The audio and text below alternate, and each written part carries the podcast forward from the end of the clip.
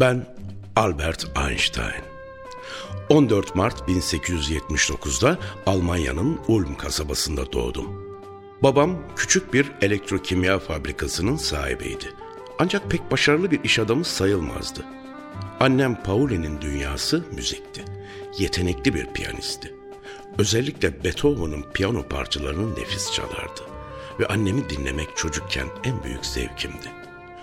Ailem Musevi kökenliydi ama dinsel bağnazlıktan uzak, açık görüşlü, kültürel etkinliklerle dolu zengin bir yaşam içindeydik. Ne var ki iyi bir aileye sahip şanslı bir çocuk olmama rağmen benim için çok telaşlanıyorlardı. Neden dersiniz? Pek arkadaşlarımla oynamazdım. Sessiz, içe kapanık bir yapım vardı ve beş yaşına gelmeme rağmen henüz doğru düzgün konuşamıyordum. Annem ve babam kaygılanarak beni doktora götürmüşlerdi. Ancak sonradan dilim açıldı ve normal konuşmaya başladım. Çocukluğumda yaşadığım iki önemli olayı unutamam.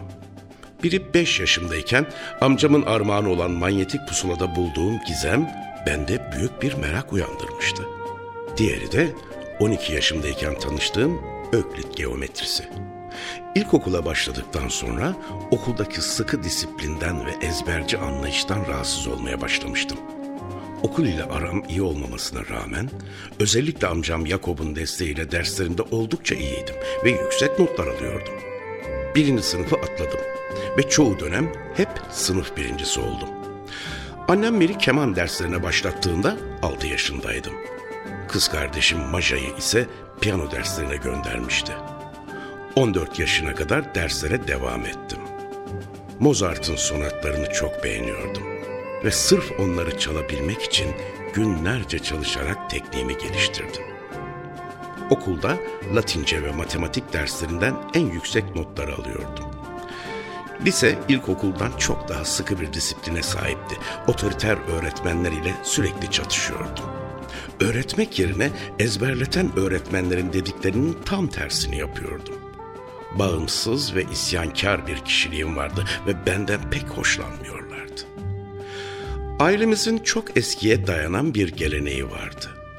Yoksul bir öğrenciyi evimize yemeğe davet ediyorduk. Max Talmud adında yoksul bir üniversite öğrencisi her hafta bir akşam yemeğine katılıyordu. Kendimden büyük bir üniversite öğrencisiyle sohbet etmekten çok hoşlanıyordum. Talmud da bana sınıf arkadaşı gibi davranıyordu. Bilim, matematik ve felsefe konuşuyorduk. Talmud bana çeşitli popüler bilim kitapları getiriyordu ve hepsini büyük bir heves ile inceliyordum.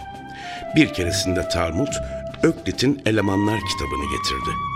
Kitaptaki problemler üzerinde çalışmaya başladım. Yaz bitmeden önce sadece bütün problemleri çözmek ile kalmadım, ayrıca teoremlere alternatif ispatlar da bulmuştum. İşte 5 yaşımdaki pusuladan sonraki en etkileyici ve hayatıma yön veren hediyem bu kitaptır. 1891 yazında matematiğe ilgimi bilen mühendis amcam Yakup bana bir cebir kitabı getirmişti. O yaz cebir çalışmaya karar verdim. Zor ve karmaşık problemleri bile çözebiliyordum. 16 yaşımda kendi başıma integral hesaplamaları ile analitik geometriyi öğrenmiştim. 1895 Ekim'inde Zürih'e gittim ve Politeknik Üniversitesi'ne kabul sınavına girdim. Sınava girmek için 18 yaş üstü olmam gerekiyordu. Ama benim 16 yaşında girebilmem için özel bir izin alınmıştı. Babamın önerisine uyarak mühendislik bölümüne başvurdum. Sınavda matematik ve fizikte çok üstün dereceler aldım. Ama diğer derslerde başarısız olmuştum. Bir İsviçre Lisesi'nde diploma alıp tekrar başvurmamı tavsiye ettiler ve Aurau bölgesinde bir liseye kaydoldum.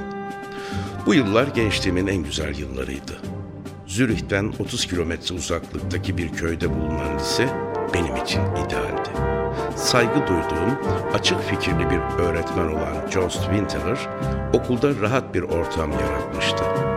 Öğrencilerin bağımsız düşünmesini teşvik ediyordu ve bu yaklaşım benim kişiliğime çok uyuyordu. Dört yıllık eğitimimden sonra Politeknik Üniversitesi'nden fizik diploması ile mezun oldum. Üniversitede bir asistanlık kadrosu bulmak istiyordum. Çünkü araştırma yapabilecektim. Fakat üniversite yıllarında pek çok profesör ile isyankar ve bilmiş tavırlarım nedeniyle tartışmıştım. Bazı profesörler derslere girmeyerek ve kendi istediğim konuları çalışmamdan hoşlanmamıştı. Üniversitede asistanlığı bir yana bıraktım. Ortaokul öğretmenliği yapmak için bile bir iş bulamadım. Sonunda bir okul arkadaşımın yardımıyla Bern Patent Ofisi'nde sıradan bir işe yerleştim. Ama asıl dünyam olan bilimden kopamazdım. 1905'te Annalen der Fizik dergisinde yayımlanan üç çalışmamın her biri fizik tarihinde bir dönüm noktası sayılabilecek nitelikteydi. 1909'da patent ofisindeki işimden ayrıldım ve Zürih Üniversitesi'nde kuramsal fizik doçenti oldum.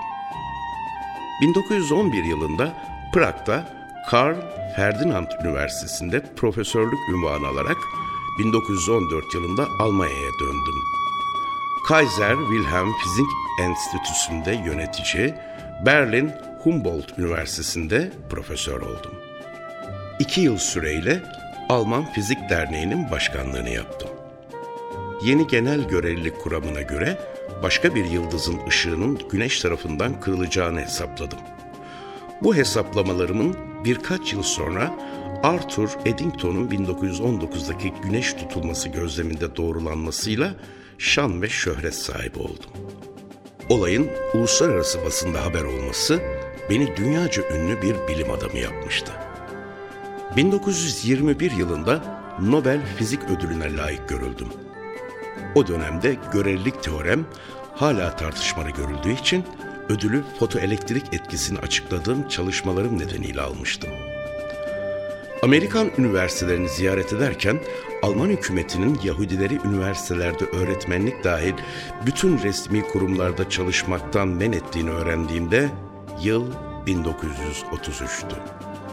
Bir ay sonra Naziler kitap yakma kampanyalarına başladı ve maalesef benim eserlerim de yakılanlar arasındaydı. Almanya'ya bir daha geri dönmemeye karar verdim. 1939 yazında Avrupa'da İkinci Dünya Savaşı başlamadan birkaç ay önce bir yolunu bularak Başkan Roosevelt'e Nazi Almanyası'nın atom bombası yaptığına dair bir uyarı mektubu gönderdim. Aynı mektupta Amerikan hükümetine uranyum araştırmaları ve zincir reaksiyonları ile ilgili araştırma yapmasını tavsiye ettim. Diğer sığınmacı arkadaşlarımı Hitler'in bu silahı kullanmak için oldukça istekli olacağı konusunda defalarca uyardım. Benim mektuplarım sonucu Amerika bombayı geliştirme yarışına girdi ve savaş sırasında Amerika Birleşik Devletleri bombayı geliştirebilen tek ülke oldu. Keşke, keşke olmasaydı.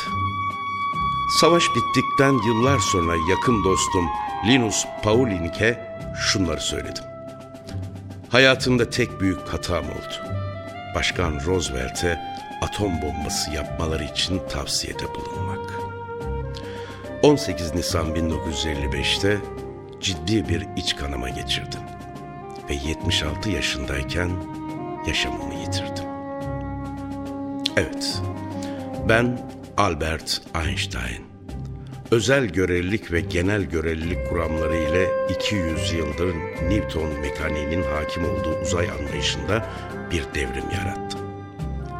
E eşittir mc kare denklemiyle formüle ettiğim kütle enerji eşdeğerliği yıldızların nasıl enerji oluşturduğunu açıklama getirmiş ve nükleer teknolojinin önünü açmıştır. Modern fiziğe birçok katkıda bulundu. Ömrünün büyük bir kısmını bütün bu kuramları birleştiren bir birleşik alan kuramı yaratmak için geçirdim. Artık bu çalışmaları daha ileriye taşımak için sıra sizde.